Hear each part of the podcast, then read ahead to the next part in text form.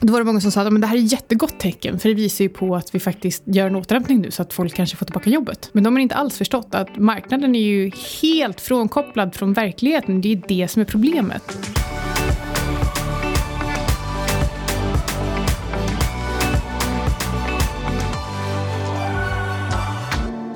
Hej, du lyssnar på Outsiders. Med Micke Syding och Anna Svan. Och sen har vi också Alexander Marton som kommer fixa till det här riktigt ordentligt. Han skulle behöva fixa till mig efter att ha dygnat i helgen och vet inte vad det betyder för att slå upp det. Och sen eh, tränat taekwondo för första gången på 26 år och då var det one-on-one-grejer i 90 minuter med världsmästaren. Du måste vara enda 45-plussaren jag känner som är lite stolt över att ha varit ute och festat en hel natt. Men eh, okej. Okay. Det är för att det inte finns någon annan. ja. Vi tänkte att vi ska prata lite om beslut under osäkerhet. Till exempel, är det en bra idé att festa nonstop i 42 timmar vi under tog, rådande omständigheter? Vi tog massor med eh, beslut under osäkerhet under de där 42 timmarna. Ja, det kan jag tänka mig. Men, så vi ska alltså snacka om prognoser och sannolikheter, men vi ska inte koppla det till Mickes utekväll eller innekväll, för ni var ju faktiskt här eh, i din lägenhet, utan vi ska prata om det kopplat till finansiella marknader. Och eh, vi har precis läst Howard Marks senaste memo som hette Uncertainty. Mm, så det blir eh, lite sammanfattning av det generella läget om arbetslöshetssiffror, eh, vinstutvecklingen för Standard Poor, det som vi vet nu när 88 procent redan har rapporterat. Och eh, du har varit och kommenterat eh, bitcoin-halveringen, så du är väl lite extra påläst där? Jag är lite extra påläst där. Eh, jag tänkte, ska vi, i och med att det är superaktuellt, så kanske vi ska börja med bitcoin-halvering, för det har ju också väldigt mycket att göra om hur man kan förutse framtiden eller inte. Dubblades eh, kursen nu när, när, när belöningarna halverades igår? Nej, det gjorde det inte, men kostnaden för att mina bitcoin ligger på mellan 12 och 15 000 dollar nu, så att priset har lite återhämtat sig.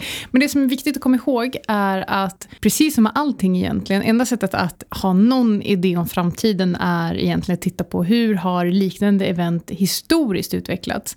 Så vi kan titta på historia, och det är ju i och för sig lite paradoxalt eftersom att man i finansbranschen då måste säga att historisk utveckling kan säga ingenting om framtida avkastning. Men när det kommer till bitcoin-halvering, det vi kan konstatera det som faktiskt har hänt vid första halveringen eh, 2012 och andra halveringen eh, 2016 var att eh, åren, året efter, alltså flera månader senare. Det var då liksom som vi såg ett i riktigt, riktigt rally. Och jag vet att det är jättemånga nu som har sett fram emot den här halveringen och som trodde någonstans att priset skulle börja sticka då. Eh, men eh, om, eh, om vi ser samma effekt som vi såg vid de förra halveringarna så kommer det dröja lite till. En annan sak som också är lite intressant är att eh, det var miners som hårdade bitcoin och eh, egentligen så är det inte positiva nyheter för det brukar leda till oversupply på marknaden och det kan leda till tillfällig prispress. Eller ska man komma ihåg att priset kan faktiskt falla. Anledningen till att eh, man hårdade de här bitcoinen var att man nog inte ville sälja dem innan halveringen helt enkelt. Så att vi kan absolut se ett eh, prisfall i bitcoin. Eh, vi kan, jag vet inte. Så eh, precis alla, inklusive miners, inklusive varenda amatör som är helt ny till bitcoin senaste månaden, de har ju då noterat att ah, men nu kommer det hända någonting när halveringen. Då, då ska priset minst dubblas eller kanske helst eh, tiofaldigas. Och, och så är alla förberedda på det. Och då eh, är det nästan självklart att det då istället går ner, vilket ju som du sa då också har gjort eh, varje gång egentligen. Alltså det går ner och upp och ner och upp och är helt enkelt bara väldigt volatilt. Det vi kan säga är att det kommer vara, precis som du säger nu, ganska volatilt framöver. Och eh, om det är så att vi går in i en ny ordentlig bullmarknad så är det inte kanske kommande två veckorna, utan lite senare. Och det är väl egentligen som med allt att eh, när folk börjar ge upp, det är då som det är läge att köpa. Nu är det nog de närmaste månaderna kommer det vara många som bara, men fan, det var ju ingenting som hände efter den här halveringen, så nu skiter jag i den här tillgången, för jag var nog för sent på bollen. Mm, man eh, måste våga göra annorlunda för att få annorlunda resultat. Och man måste ha läst på, för det annars är det väldigt lätt att göra den här typen av misstag. Ja, och om man inte läser på så vet man heller inte vad som är annorlunda. Och nu för tiden så är det oerhört lätt att hamna i en filterbubbla där, eh, där, man, där man på något sätt tror att de i den här filterbubblan är en bra värdemätare på vad som är konsensus och inte. På tal om värdemätare, Indiens Service PMI. Ja, berätta. Cirka 50?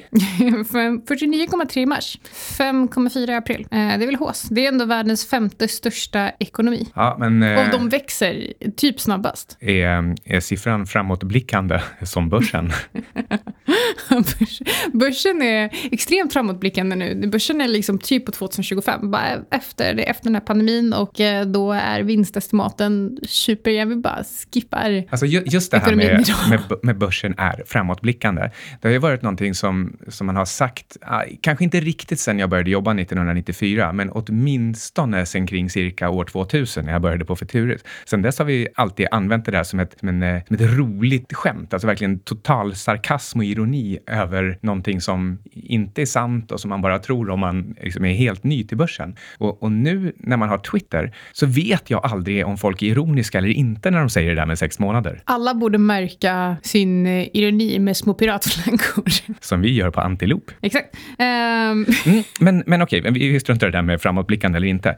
Nu verkar ju allting återhämta sig. Börsen har sprungit upp som ett, som ett V um, och nu är den på de här nivåerna som vi har pratat om förut. Att det, det, den är precis runt 200 dagars och vissa Fibonacci-nivåer och det har liksom gått fyra till sex veckor sedan botten. Så det, det, det är som uppgjort för att det var hit man skulle, men, men egentligen inte längre. Men tänk då om ekonomin faktiskt också återhämtar sig med 90 procent. Jag såg faktiskt att um, Ehm, jag tweetade ehm, en artikel. Jag vet inte om det var från, det kan vara The Economist kanske, eller så var det någon annan.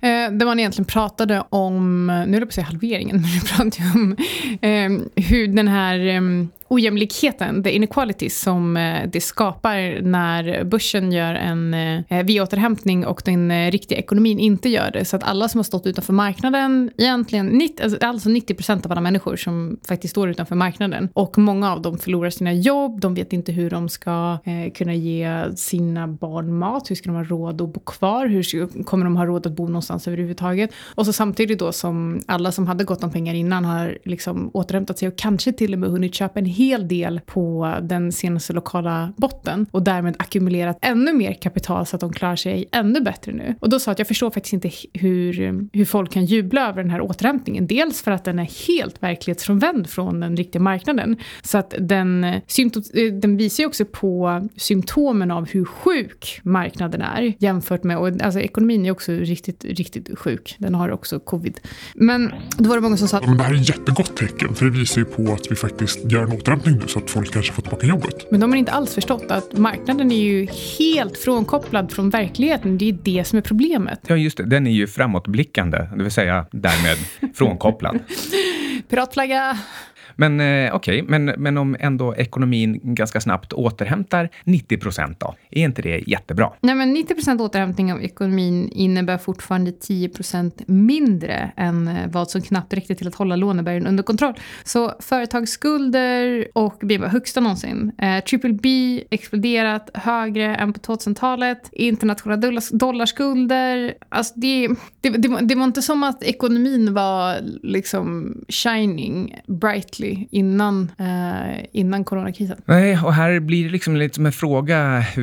Vem är det som sitter på sanningen egentligen? Men här, jag har ju då förstås hävdat alldeles för länge att det finns en massa obalanser i de, bland annat de här formerna som du räknade upp. Ehm, till exempel att företagen har byggt upp enorma skuldberg och då eh, även i, både nominellt men också jämfört med, med BNP. Och för att hålla alla de här sakerna under kontroll så behöver du ett visst kassaflöde. Det är också rekordstora, alltså verkligen liksom eh, riktigt, riktigt läskigt stora eh, berg med triple B-ratade krediter. Jag vet jag för mig att de har gått från, ja, strunt samma, de, de har i alla fall minst fyrdubblats sen om det var 2008 eller, eller sen år 2000. Eh, och eh, de här måste ju servas med ett kassaflöde från, från företagen. Och nu, även om vi får 90 procents återhämtning även för de här företagen, men de hade egentligen inte råd att serva sina skulder ens då. De måste rulla de här krediterna hela tiden. Och om vi nu får ett problem med att det både blir svårt att, att rulla krediterna och betala tillbaka dem, de, eh, ja, betala tillbaka på något sätt i alla fall med, eh, med kassaflöden från verksamheten för att det saknas 10 procent av ekonomin. Ja, det, här var, det här var liksom en dominobricka som skulle falla automatiskt ändå. Jag tycker att vi ska... Jag skickade en liten video till vår jobbgrupp i, på WhatsApp idag där de diskuterar inflation och quantitative easing. Och eh, Fed och alla centralbanker påstår ju att vi inte har någon inflation. Men allting är ju dyrare idag än vad det var för ett år sedan. Ja, det där är ju en riktig, riktig klassiker, den där videon. Den är från 2009, va? Eh, en, eh, en sån här automatgenererad animation så att de uttalar saker lite roligt. Det är därifrån The Ben Bernanke kommer. och eh, den, den är fantastiskt rolig och trots att den är 11 år gammal så är den aktuell.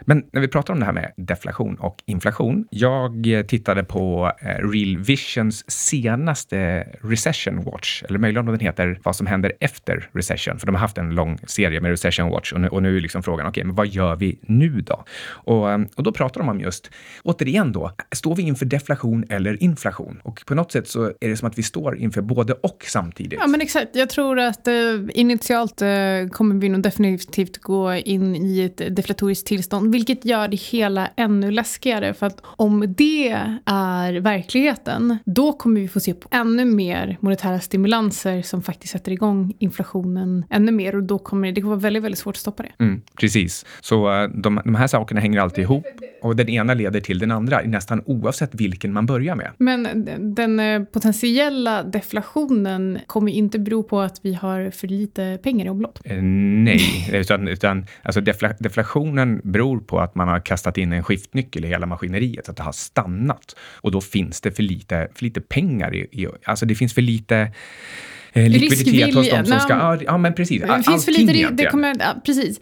Och med riskvilja så menar jag inte att folk inte vill uh, köpa uh, risk-on assets. Med riskvilja så menar jag egentligen personer som är så fruktansvärt rädda att uh, konsumera för att de inte vet hur de ska ha råd att betala hyra om två månader annars om det är så att det kanske blir en second wave som leder till att de också blir av med jobbet som de har sett att andra har blivit. Mm, eller betala på sina lån. Och, och det är precis det som blir problemet då. Men de, när de, på grund av att att man inte har råd med sina lån så konsumerar man mindre och då blir det mindre svung i hela ekonomin så att det finns, en, det finns mindre ekonomi helt enkelt för att serva de här lånen som håller en, en konstant nominell storlek. Så det, egentligen en artificiell deflation? Ja, alltså det, det, är egentligen en, en, alltså det blir artificiell för att vi råkade få in den här skiftnyckeln. Men, men, eh, för det är ju inte det är fortfarande inte äkta deflation, det är ju inte att penningmängden minskar. Nej, okej. Okay, det är precis. det jag menar. Ja, nej, precis. Återigen, definitionsfrågor. Man kan egentligen så är ju så inflation och deflation, det är mängden pengar pengar. Men sen har ju det här fått liksom en glidande betydelse så att man pratar om inflation som priset på konsumentvaror och deflation som en, en bred nedgång för alla priser, eller mer eller mindre alla priser i samhället. Och det är just den här breda nedgången för de flesta priserna i samhället, inklusive då löner, eh, mat, el, bostäder, liksom allting sånt där.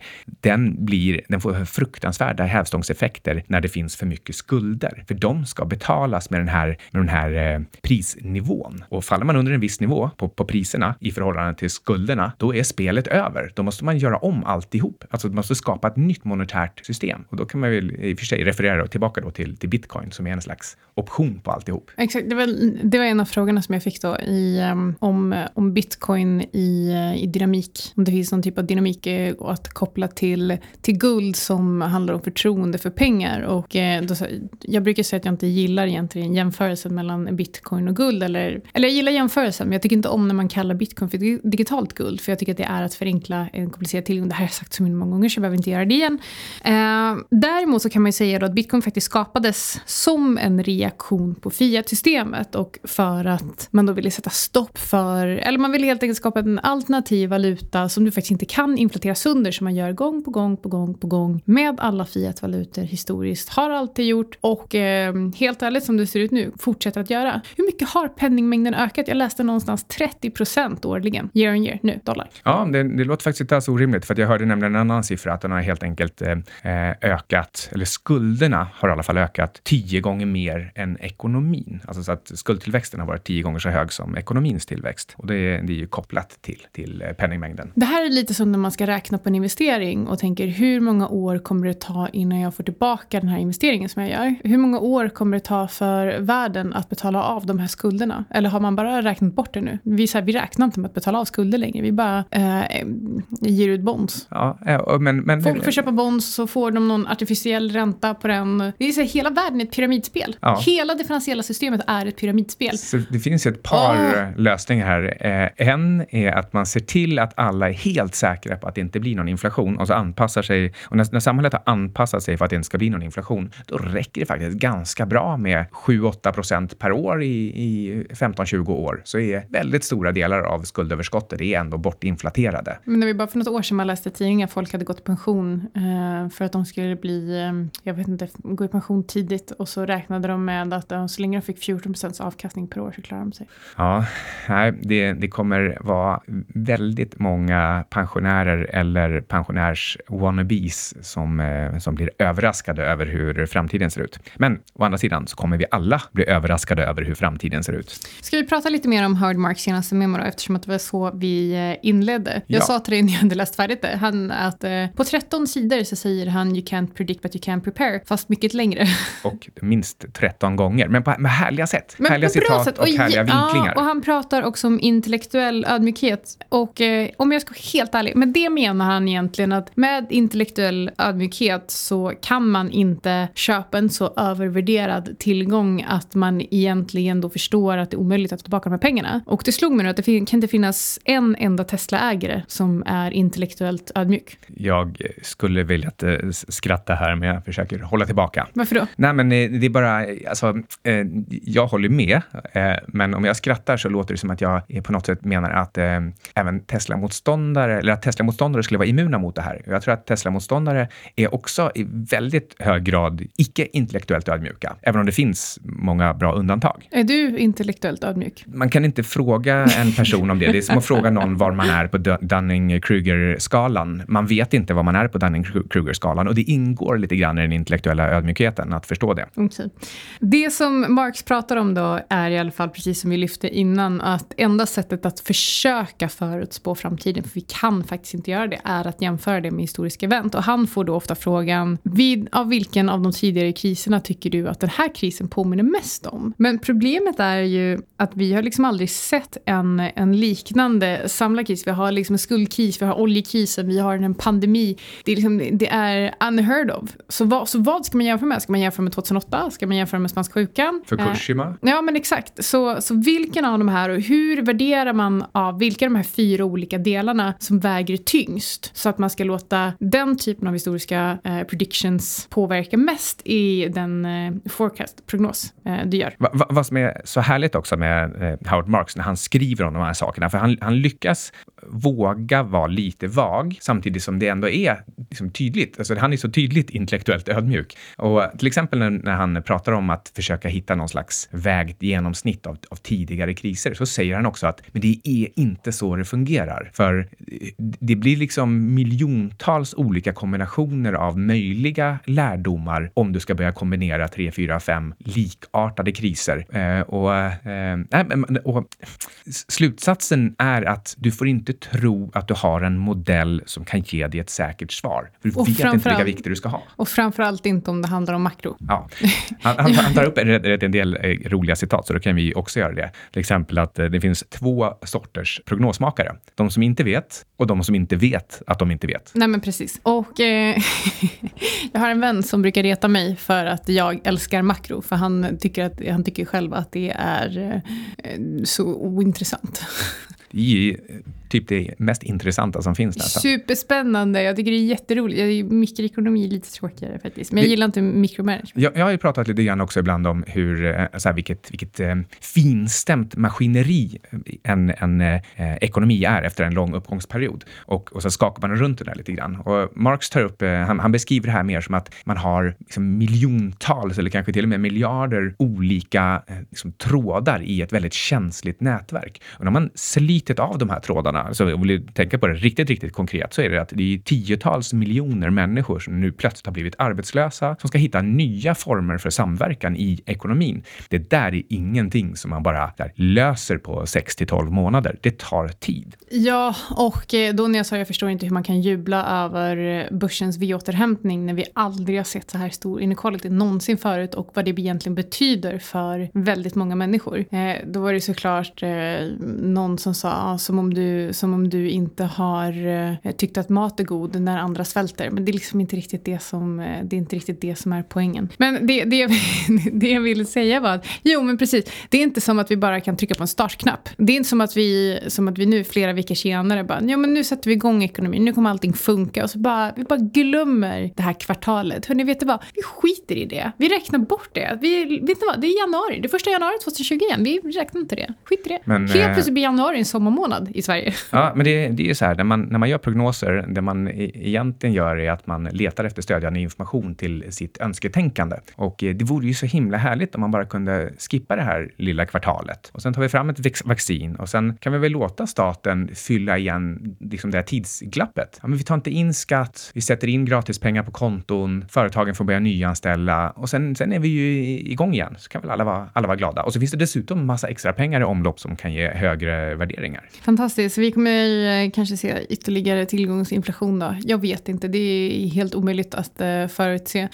You can't predict but you can prepare är ju ett av mina favoritcitat från hans bok uh, The most important thing. Så att det här memot som han skrev föll mig verkligen i smaken. Det är definitivt läsvärt och för er som är nyfikna på det, det är så sjukt lättläst också. Ja, och det är lite kortare än han brukar tror jag. Det kändes i alla fall lite kortare. 13, 13 sidor. Ja. ja. och, men, men hur som helst, så bara googla Oak Tree Capital, Memos from the Chairman, så kan ni hitta alla där. Eh, och eh, alla är faktiskt läsvärda. Jag har, jag har en annan eh, chatt, chattgrupp där vi diskuterar, vi heter Gold Gang från början, men nu heter vi Spy Gang som S&P 500. Där, där en, av, en av personerna i gruppen sa att hon ville låsa in sig i en liten stuga i, och bara plöja igenom Marks memos nu när hon hade läst hans senaste bok. Och då har hon inte ens läst The Most Important Thing än. Så jag, she's in for a treat. Mm, most Important Thing är ju faktiskt, tycker jag, mycket bättre än Mastering the Market Cycles. Jag håller med. Eh, fantastisk bok, fantastisk förvaltare och precis som du säger, extremt intellektuellt ödmjuk. Jag gillar honom, om ja. det är någon som har missat det. Okej, okay, vi har lite grafer här faktiskt på uh, Standard Poor-siffror. Och uh, tillväxten i vinst per aktie i Q1. Minus 64 procent. Minus 64 procent. Och, och det är inte Q1 som är det, Men det var det inte kvartalet. Det var ju faktiskt inte minus 90 procent, så det är klart att marknaden ska upp. Ja, oh, ja det är väl så. Men det, det, alltså, det, är, det är fascinerande. Nu, nu, det, jag vill bara att det ska ändå framgå tydligt att det är inte så att du och jag sitter här och är, och är på något sätt bittra över att marknaden går upp och att vi tycker att vi har någon slags fel i våra analyser. Nej, alltså jag, eh, min portfölj går jättebra. Eh, jag säger ibland att, eh, jag sa det på kontoret tror jag, jag bara, mina kortsiktiga predictions har varit urusla. Men jag har ett, jag har ett alfa mot OMX på 30 procent year to date. Så att jag menar, jag är absolut inte bitter överhuvudtaget. Nej, utan det här handlar om att försöka ändå använda den faktiska informationen vi har, alltså inte blunda för den och sen använda den för att försöka vara lite framåtblickande. Och, och det som jag ändå tror som är scenariot vi har framför oss, det är att den här kraftiga nedgången och studsen, det är så det har sett ut väldigt många gånger. Det såg ut så 1929 och det såg ut så ungefär på år 2000 och även 2007, 2008 innan liksom nästa nedgångsfas började. Och nästa nedgångsfas, den började även de gångerna på ett liksom, utifrån sett, eller inifrån till och med, väldigt förutsägbart svaga vinster nästa kvartal eller nästa år. Och, och precis så ser det ut nu. Vi, vi vet, och visst, Howard Marks är den första att säga att när, när alla vet det, ja då, då, då... Då är det inprisat. Då är det inprisat, ja. Men det är inte inprisat att Q2 blir katastrofdåligt och att hela året blir jättesvagt. Det är inte inprisat, för det, ingenting verkar vara inprisat. Hittills är det ju eh, inprisat att, um, att Q2 kommer att bli bra. Det är många som tror det, att vi bara ska vända nu. Annan rolig grej förresten, som vi kan säga som avslutningsvis. Vet du vad Argentinas president sa? Nej. Han vill inte öppna upp landet. Karantina sitter ju i total ka karantina. Men kan inte karantina sitta sådär för alltid?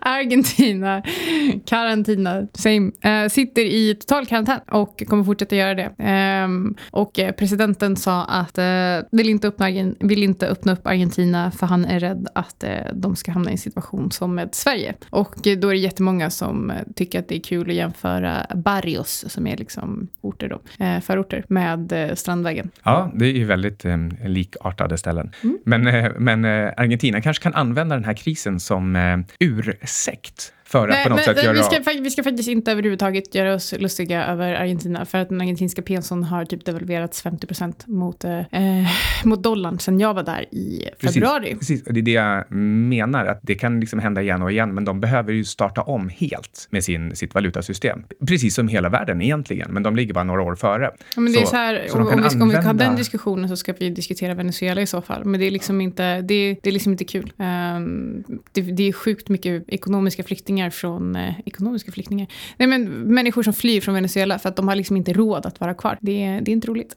Jag såg en annan siffra förresten, eh, också, vi kan kalla det för avslutningsvis, att eh, World Trade Organization, när de tittar på världshandeln nu, 2020, då räknar de med att den ska vara ner med 13 till 32 procent. Alltså, vi- nu pratar alltså verkligen hela den globala världshandeln ner med 13 till 32 procent.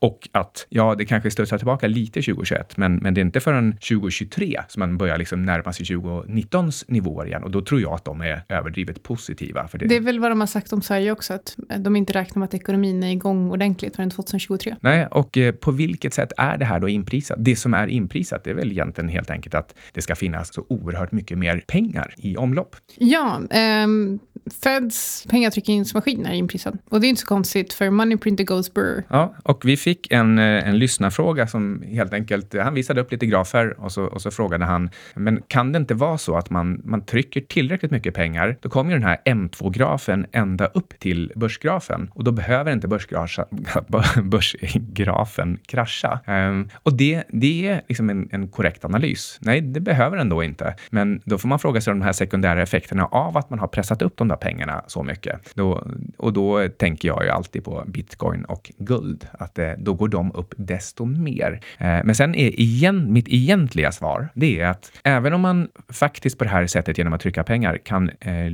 lyfta den motiverade nivån för börsen så att, så att den inte behöver eh, liksom, komma ner till helt andra eh, eh liksom plattformsnivåer långt, långt, ner, så är det fortfarande så att man dödar ju inte den ekonomiska cykeln eller börscykeln för det. Och den är sån att börsen går upp 100-200 procent ibland över vissa håsperioder och sen går den ner 30, 40, 50 procent i, eh, i, i cykliska korrektioner. Och det, det fortsätter den förstås göra även om man lyfter hela den motiverade nivån. Så man, man, ska inte, man ska i alla fall inte räkna med att man har på något sätt eliminerat den här typen av cykliska nedgångsfaser. Ska vi avsluta med det? Ja, det tycker jag. Du har lyssnat på Outsiders.